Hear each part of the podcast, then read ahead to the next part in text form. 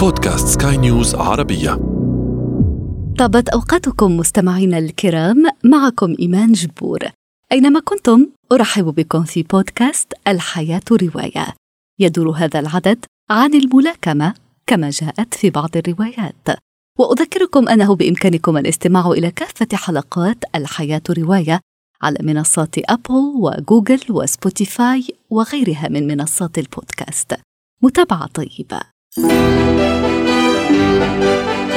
الحياة رواية. ما يهم ليس قوة اللكمات التي توجهها بل عدد الضربات التي تتلقاها وأنت مستمر في التقدم. ما يمكنك تحمله وأنت تمضي قدما. نقتبس عن أشهر ملاكم في السينما روكي بالبوا وحديثنا اليوم عن الفن النبيل.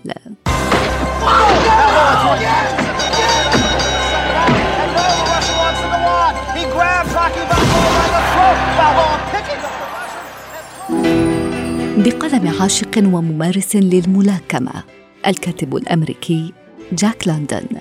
نقرأ من المجموعة الروائية The Game and Other Writing on Boxing.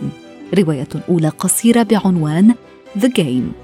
بفضل المال الذي يجنيه من الملاكمة يتمكن جو من إعانة أمه الأرملة وأخواته وتسديد أقساط المنزل.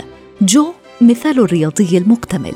في أحد الأيام يلتقي بجنفييف الجميلة ولا يتفوق على حسن جنفييف سوى براعة جو في الملاكمة لكن معركته الأخيرة ستتخذ منعطفا مأساويا من خلال منطق اللعبة الذي لا هوادة فيه. يضع جاك لندن الأصبع على جوهر الملاكمة وقسوة الحياة التي تحكمها قواعد اللعبة العبثية. الحياة رواية. ورواية ثانية قصيرة اسمها لندن أبيسمال بروت نجل ملاكم سابق يعيش وإياه وسط الغابة. يكبر بات وهو يصارع الدببة والكائنات البرية. يعده والده ليكون ملاكما. وعندما يشعر أنه قدم له كل ما استطاع عليه يكتب إلى سام المدرب ليتم المهمة. وعلى مضض. يترك بات الأنهار والجبال قاصدا المدينة حيث يقضي وقته في التدرب لمواجهة ملاكمين من عياره. لكن لا أحد من خصومه كذلك. بالضربة القاضية كان بات ينهي كل معاركه. يتذكر أحيانا آخر كلمات والده وهو يقول له مهما حدث احترس من النساء. النساء موت وجحيم. تذكر ذلك. ولكن إذا وجدت المرأة الحقيقية فاحتفظ بها إنها تساوي أكثر من الذهب والفضة. تأكد مما تفعله وبمجرد أن تكون متاكدا لا تدعها تفلت من بين يديك.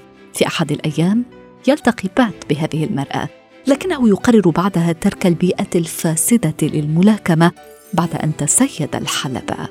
وكما أسلفت فإن الكاتب جاك لندن كان بدوره يمارس الملاكمة وكان أيضا صحفيا رياضيا. وهذا ما يعطي هذه المجموعة الروائية نكهتها الواقعية.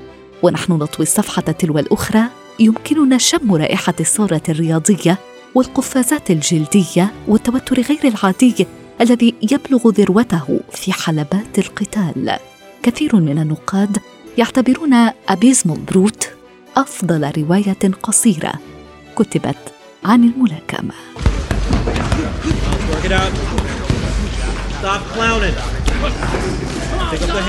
ورواية تبدو وكأنها دونت خلال لحظات صعبة كتلك التي اختبرها الكاتب خلال مسيرته.